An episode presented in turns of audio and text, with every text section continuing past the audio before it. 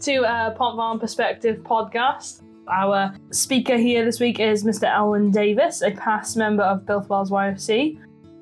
Hello, good to be here. Thank you for coming and being a part of the podcast this week.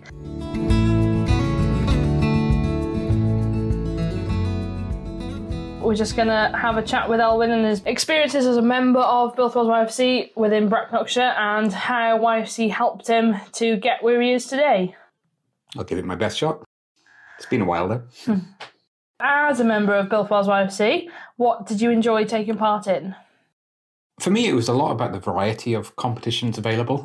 I think I, I, I just remember from vaguely from being seven to eight year old and seeing my elder sister Anwin just getting involved in a wide variety of competitions and thinking, I want a bit of that myself. And so, even actually before the age of 10, when I joined Builth YFC, I was heavily influenced by what was going on. And I think if I had to pick anything, it would be usually the public speaking, debating, and drama competitions. And I think what caught my eye originally was drama pantomime competitions because they're just so colourful, so visual, and and gives you a chance to show off a little bit as well. That's it. I think for me, that's you know my favourite competitions. At the same, having watched my elder siblings compete, that's where my heart for YFC grew and just continued to grow as being an active member. So you went on to do your A levels and went to university, and then studied product design. Correct. Yes. And got yourself then into the web design business, and YFC helped you to get there. Well, absolutely. Actually, we could take it back a little, um, a little bit to when I was in YFC before going to university. I think it was during my GCSEs and A levels when I should have been focusing on schoolwork. I'm not recommending that, by the way. But I was building a series of websites, predominantly for YFC clubs and then later the county, with a member of Sennybridge YFC, actually David Derrick at the time. We got our heads together and said, let's let's build kind of a part-time business creating websites. Uh, we both had the skill set between us, and there wasn't really anything available for the county at the time. So I remember having the discussion with um, and trying to to bend the ear of the county organizer Philippa at the time. She was very keen, and we went through a series of meetings. But there was one issue: we had this idea for the website. It was going to cost best part of two thousand pounds, which was for a teenager a lot of money at the mm-hmm. time. But by the time it was trickled down and split between us, and also the amount of sheer amount of hours to get it off the ground before we even actually started the project was a major challenge. So, so not only in true YFC fashion, not only did we build the website, provide it for the county, and provide training, we also needed to fundraise for it as well. So I remember organising a series of barn dances again, true to YFC yeah, fashion, true YFC um, to actually fundraise for my own payment for the website I built for the county. But I wouldn't change one aspect of it. And if you wanted what is YFC in a nutshell, it's that degree of thinking on your feet and resourcefulness that you seldom see in other organizations based on personal viewpoint. No, that's it. That's great. And great to see, you know, you having that role there before even having the sort of experiences of having the degree or uh, A level in it, you know, the willingness to do that for the county and an active member. And that, and that gave me a foundation carrying it through then into post school. And I went through. I went to university on clearing, literally on the the last day you could go to get accepted for that for that year.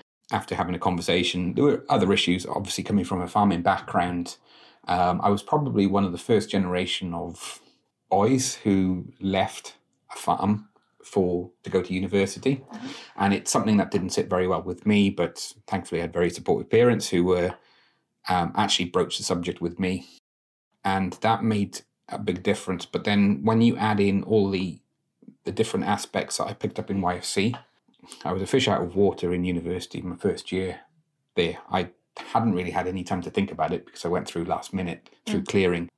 I remember in that first year of uni, I really struggled. Um, I didn't apply myself. I coasted in school. The level I needed to to get to was several steps up to what I'd been used to.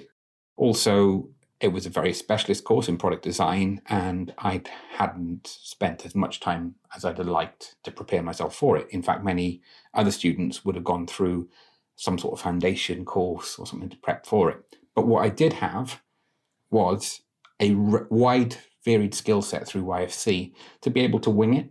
And I don't mean winging it by being lazy and leaving something till last minute. I couldn't afford to do that at that time, but it allowed me to adapt to the circumstances that I was in. I was struggling, but I was able to fall back on my public speaking to be able to get up in front of lecturers and pitch an idea, even if the idea wasn't fully fleshed out at the time, to be able to call upon things that I've covered in drama to be able to add light and shade to that pitch so I could energize it a little bit more than just going and talking about the facts. Also, then, when you combine other aspects like um, the yearbook cover designs, so my graphic communication skill set was pretty strong for my level of industry experience and where I was at in university. So having all of those, that's such a wide range of having a go at everything, and, and there's another one, have a go. just the opportunity to to pitch up, not knowing what you're going to do, and just just have a crack at something.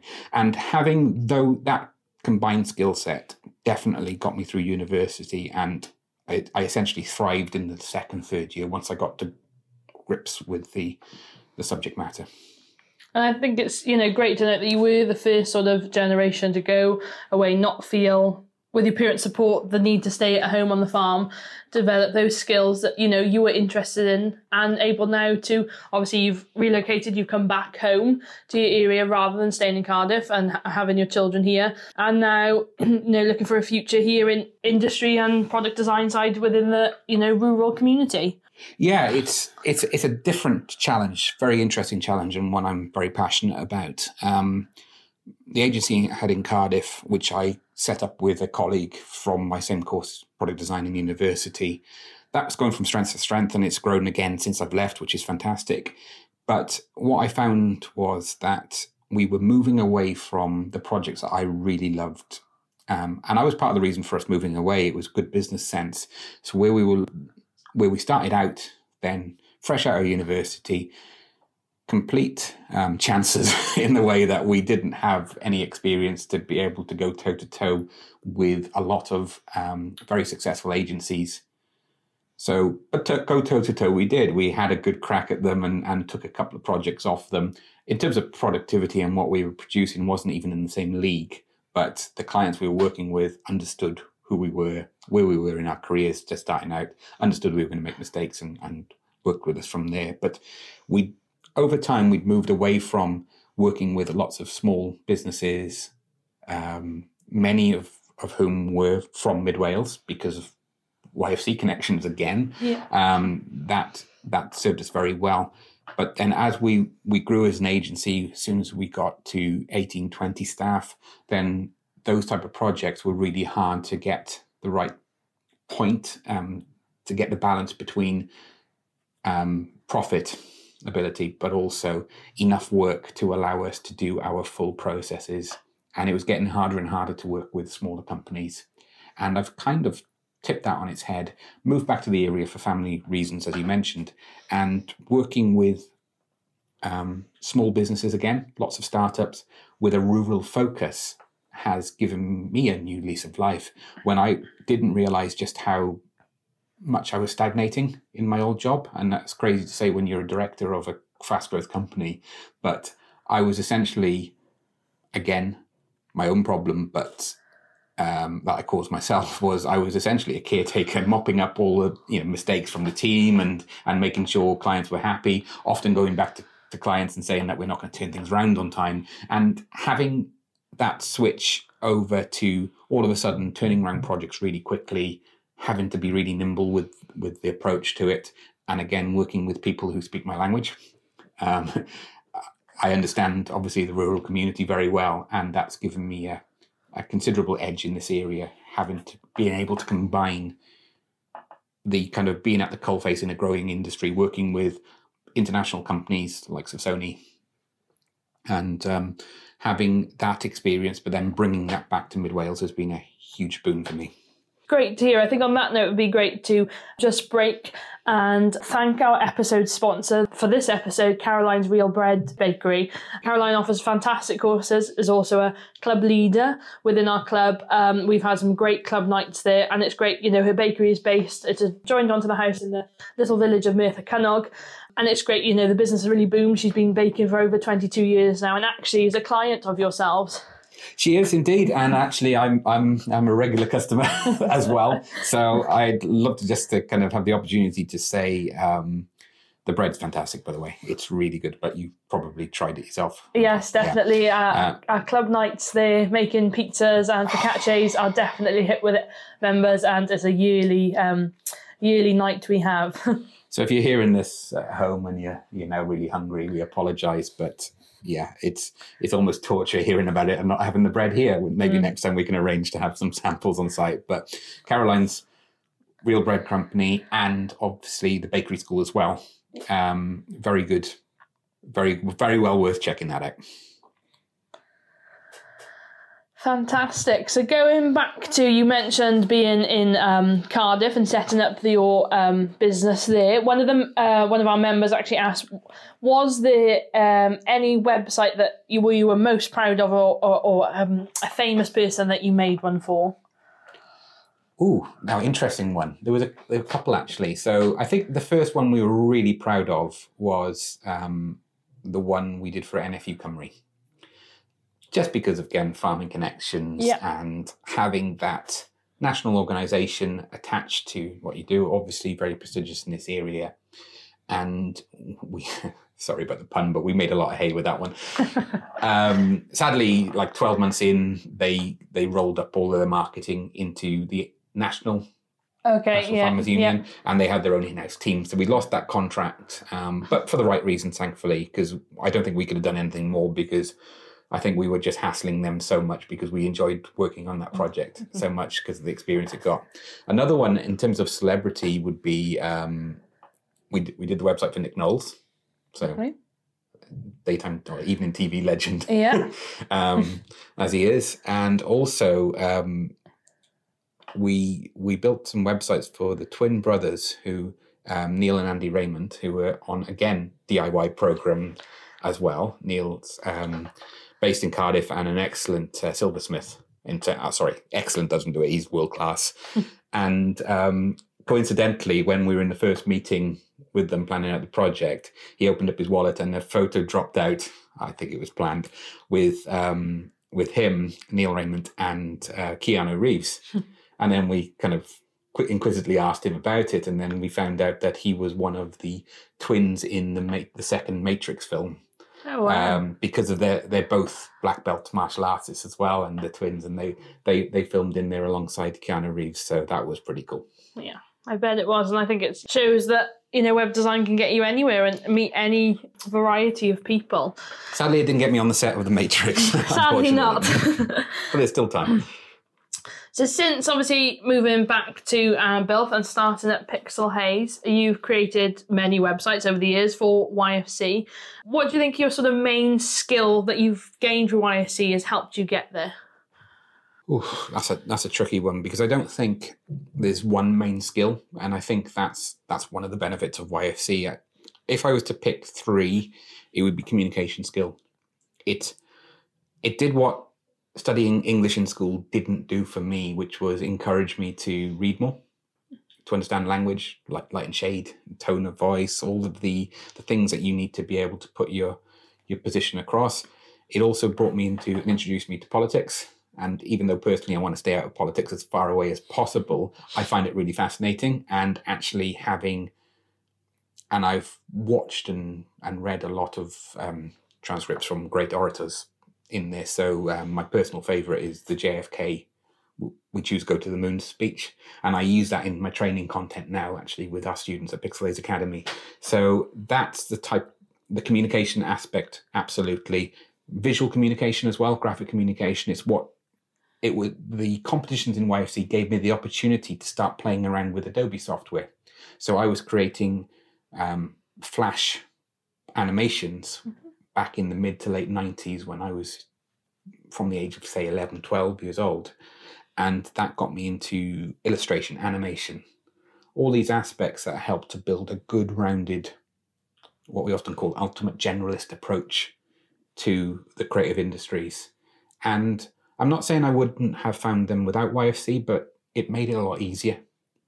And that's a big step in the right direction then. Exactly. You know, communication is a massive skill that YFC just gives you in abundance with all the competitions, and not only competitions, but, but being an officer um, within your club, county level. And I agree, you know, without the skills I've gained from the movement, I wouldn't be my nursing role that I am today. Touch briefly there on the uh, Pixel Haze Academy. Would you be willing to explain a bit more about that to our listeners? Sure. So when when I decided to move back and launch Pixel Haze, the studios are bread and butter. Now I'm back to thinking about the bakery and the bread again. um, that I were producing projects for clients, whether it's through workshops or um, or remotely. As in the last eighteen months, a lot of projects obviously have been remote. The academy is the side that it's a labor of love, really, more than anything. It's um, I often kind of joke that we're part social enterprise in in our makeup in terms of it's not all about the next project, get that th- over, and then the next project as well. I have a very bold, probably very crazy ambition to create a cultural hub here in Mid Wales. So for the cultural hub for the creative industries, where it's and we're putting in place with a lot of support from the local schools, in particular Ysgol Calon Cymru, um, to start creating a creative pathway for students who have that little bit of flair or just a an absolute hunger for for learning things technology related creative related. So anything from wanting to build their own pc through to um, setting up smart devices to create a smart home through to the things that we're very familiar with web design, graphic design, and also then learning some of the softer skills around that communication, presentation skills, pitches.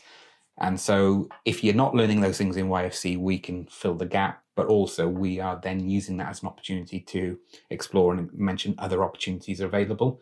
So, the pathway we're creating again ambitiously is from year six, so tail end of primary school, yeah. right the way through high school. So we start going into schools, delivering.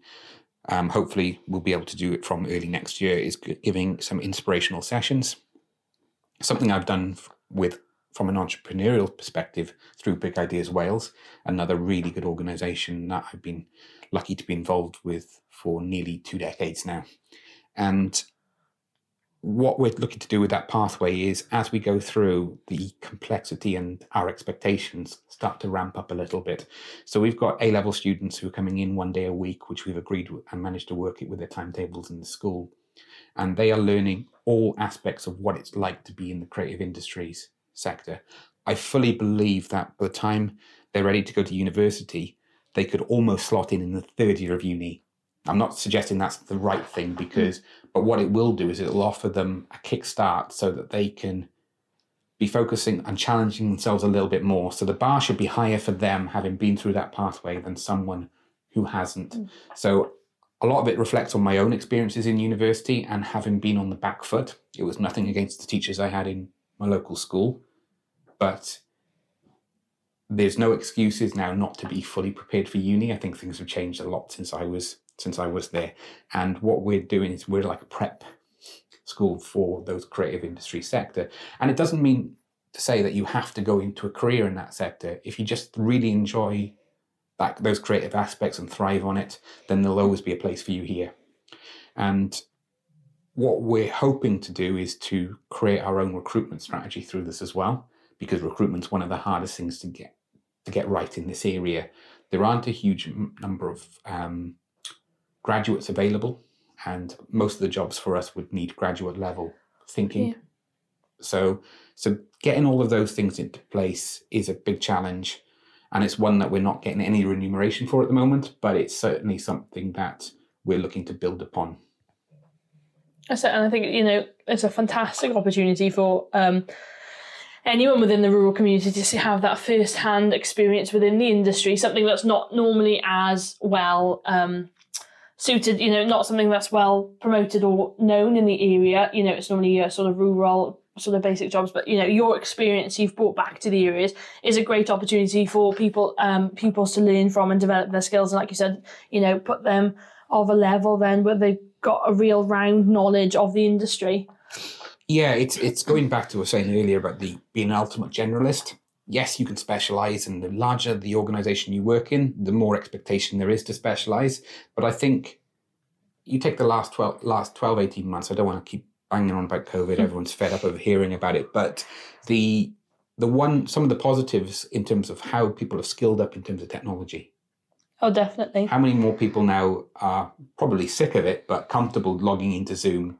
Yeah. I believe you were holding YFC meetings via Zoom. Yeah, right? exactly. We had a lot of YFC meetings via Zoom, both at club, county, and Wales level. And actually, it was fantastic to see that um, Wales Council, we had 90 members attending, more than what we'd actually get in person. So it's the ha- having, you know, everyone's opinions put across and involving the whole of Wales in meetings that haven't been for several years because they've not been able to attend. You know, the drive down to Builth from North Wales or South Wales is, is a long drive and a long commute on a, as on a Sunday. But, you know, it definitely has opened us up. Um, to being more open and inclu- um, inclusive, I think personally, or at a YFC level. But then also there's that balance of are we fed up and got Zoom fatigue? yeah, Zoom fatigue is has now probably been added to the dictionary.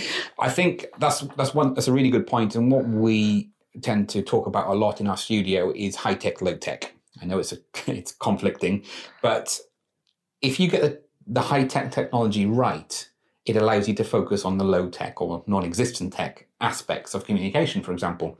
So if we can get our Zoom calls so we'll set them up maybe even using two or three different camera setups. So we can speak face on to a client through our TV in our studio. We can then switch the camera to, sw- to go onto our chalkboard. And that's where the low tech comes in. I really like the texture, the feel of a chalkboard. We've been using them since um, since my days in our studio in Cardiff at Spindogs, and just to be able to kind of flick, flick it over to a board and start sketching some an idea out, even if the client isn't in the room, it's the next best thing we can get. And it's better than just sitting that, looking at you for, for most of the meeting. The sheer screen, how can we make those sh- screens as interesting as possible? Again, using high tech solutions to, to make the experience feel less techy and more inclusive as a result it's it's a balancing act, but I think that's one thing where the industry as a whole, especially us as a business, have really moved on because we've had the opportunity for it. Next steps, as you mentioned, is getting the balance right because there is no substitute to face to face communication. That's it, and I think it's great to see that the old uh, chalk and chalkboard is shining through, even in someone in product design with uh, lots of computers here. Well, the room we're in now has a giant chalkboard behind us. And it's full of notes that we really need to take a photo of actually to make sure we don't lose it. That's the downside to it. Very true. So, you know, having grown your business, Spindogs, within Cardiff and taking a step back and then building another business here with Pixel Haze, how or what um, advice would you give to YOC members wanting to set up their own business, whether it be um, in product design or not? Just, you know, general tips and advice for them. Yeah, on to Big Ideas Wales. And I usually say this plug at the end of a Big Ideas Wales session, but I genuinely mean it. So I've got no uh, legal tie to it. Um, our local area officer is Roland Ware, an ex YFC member. Yes, he is at indeed. Builth Wells YFC with me. So, um, and also a massive advocate for a lot of the benefits of YFC as well. And um, so that's that's a really good first step if you're curious about it. But also, you're probably, if you live in Mid Wales, you probably know a good number of people who are self-employed. Ask them what it's like. It's you cannot fully prepare for it because it's it's the demands of working for yourself that that set you apart from employment. are if you're employed and it's ten o'clock on a Sunday night, unless it's an emergency, you can pretty much say, "I'm, I'll yeah, I'll pick it up tomorrow morning." Thank you for emailing me at ten o'clock on a Sunday night. Um, if you're self-employed, you get that same vibe, but at the same time, sometimes you don't want to wait till the next morning. If it's someone asking for a quote request, you want to get your quote out before the competitors do Yeah, to get at the front of the queue. So it's it's that constantly tied to your business mindset that some people thrive on, some people absolutely hate. Think about that. Um, also, there's I've been very very fortunate. I've spoken to I've spoken to a lot of um, very effective business leaders, lots of chief execs who are way ahead of me in terms of their understanding of how to set up and run a business. I like to think I've closed the gap a little bit, but I've still got a fair way to go for some of them. And I stole as much as I could off them.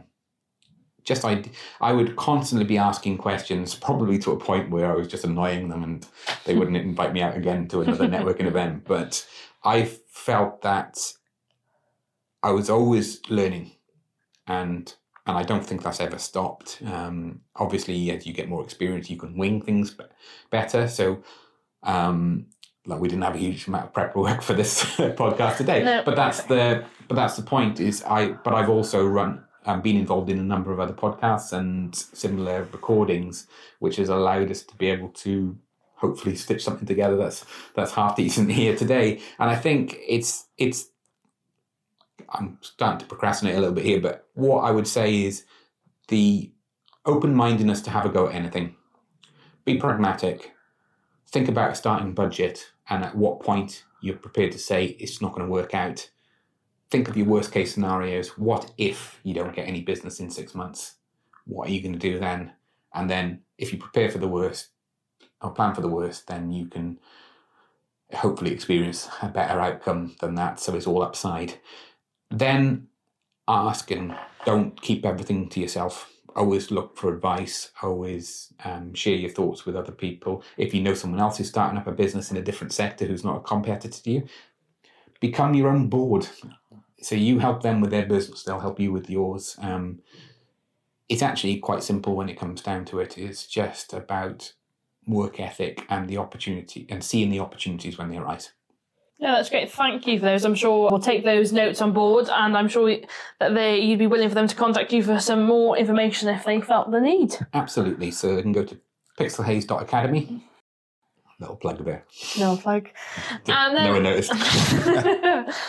we'll finish off now then with your you know background. How would you um, membership is all of YFC is at an all time low at the moment. How do you think we could promote the movement? And with your experience, you know, you've been through the movement, you know, obviously it's changed with the times, but how do you think we can get members not only to return, also gain new members for the forthcoming year? First of all, really sorry to hear that. It's it's a shame that that's happened, but then as with those type of situations, it's best not to bury your head in the sand and confront it head on. Sounds like you're very much on on the ball with that. It's been a tricky one because I think you know, it's a one one in a hundred year event. Well, certainly, hopefully, COVID will be, and so it's really hard to see how many of those will just bounce back within the next twelve months as more events are coming Yeah. online. Yeah, that's it. Sorry, offline, should I say? Um, so because that's that's the, the benefit of YFC is the it's the communication, it's the social aspect of it, and without the social aspect being in person, it's very hard to keep member numbers up. But then there have been plus points, as you mentioned, where you had high attendance at certain meetings where you wouldn't have otherwise. But I think there's an element of keep doing what you're doing, but at the same point, acknowledging that some things may need to change with the times, whether it's um, using social media more heavily and showcasing. But then, I, having said that, I've seen examples of online competitions on there, but I would say maybe a little bit more of that. Um, also, the one thing I think this isn't recent, this is going back as far as I remember, and you may disagree with this, but I think YFC is very good at promoting in house. Yes. So if you're in the rural community, you're from a farm and, you, and an elder sibling or your parents have been through YFC, YFC is very good at promoting to you. Mm. Where I think the organization as a whole has struggled is to break down that barrier outside of YFC. How do you get that balance right between saying, yes, we are proud to be an agricultural organization, a rural organization, but at the same time, we're completely inclusive and open to people who want to find out more about. Uh, and I don't. I think it's we're at a critical point now where there's we're at that crossroads between you know how does agriculture sit with um, and how do farming methods sit with climate change. Climate change as a discussion point isn't going anywhere anytime soon, but I personally feel that the farming industry's caught a lot of flack for it because it's been an easy target.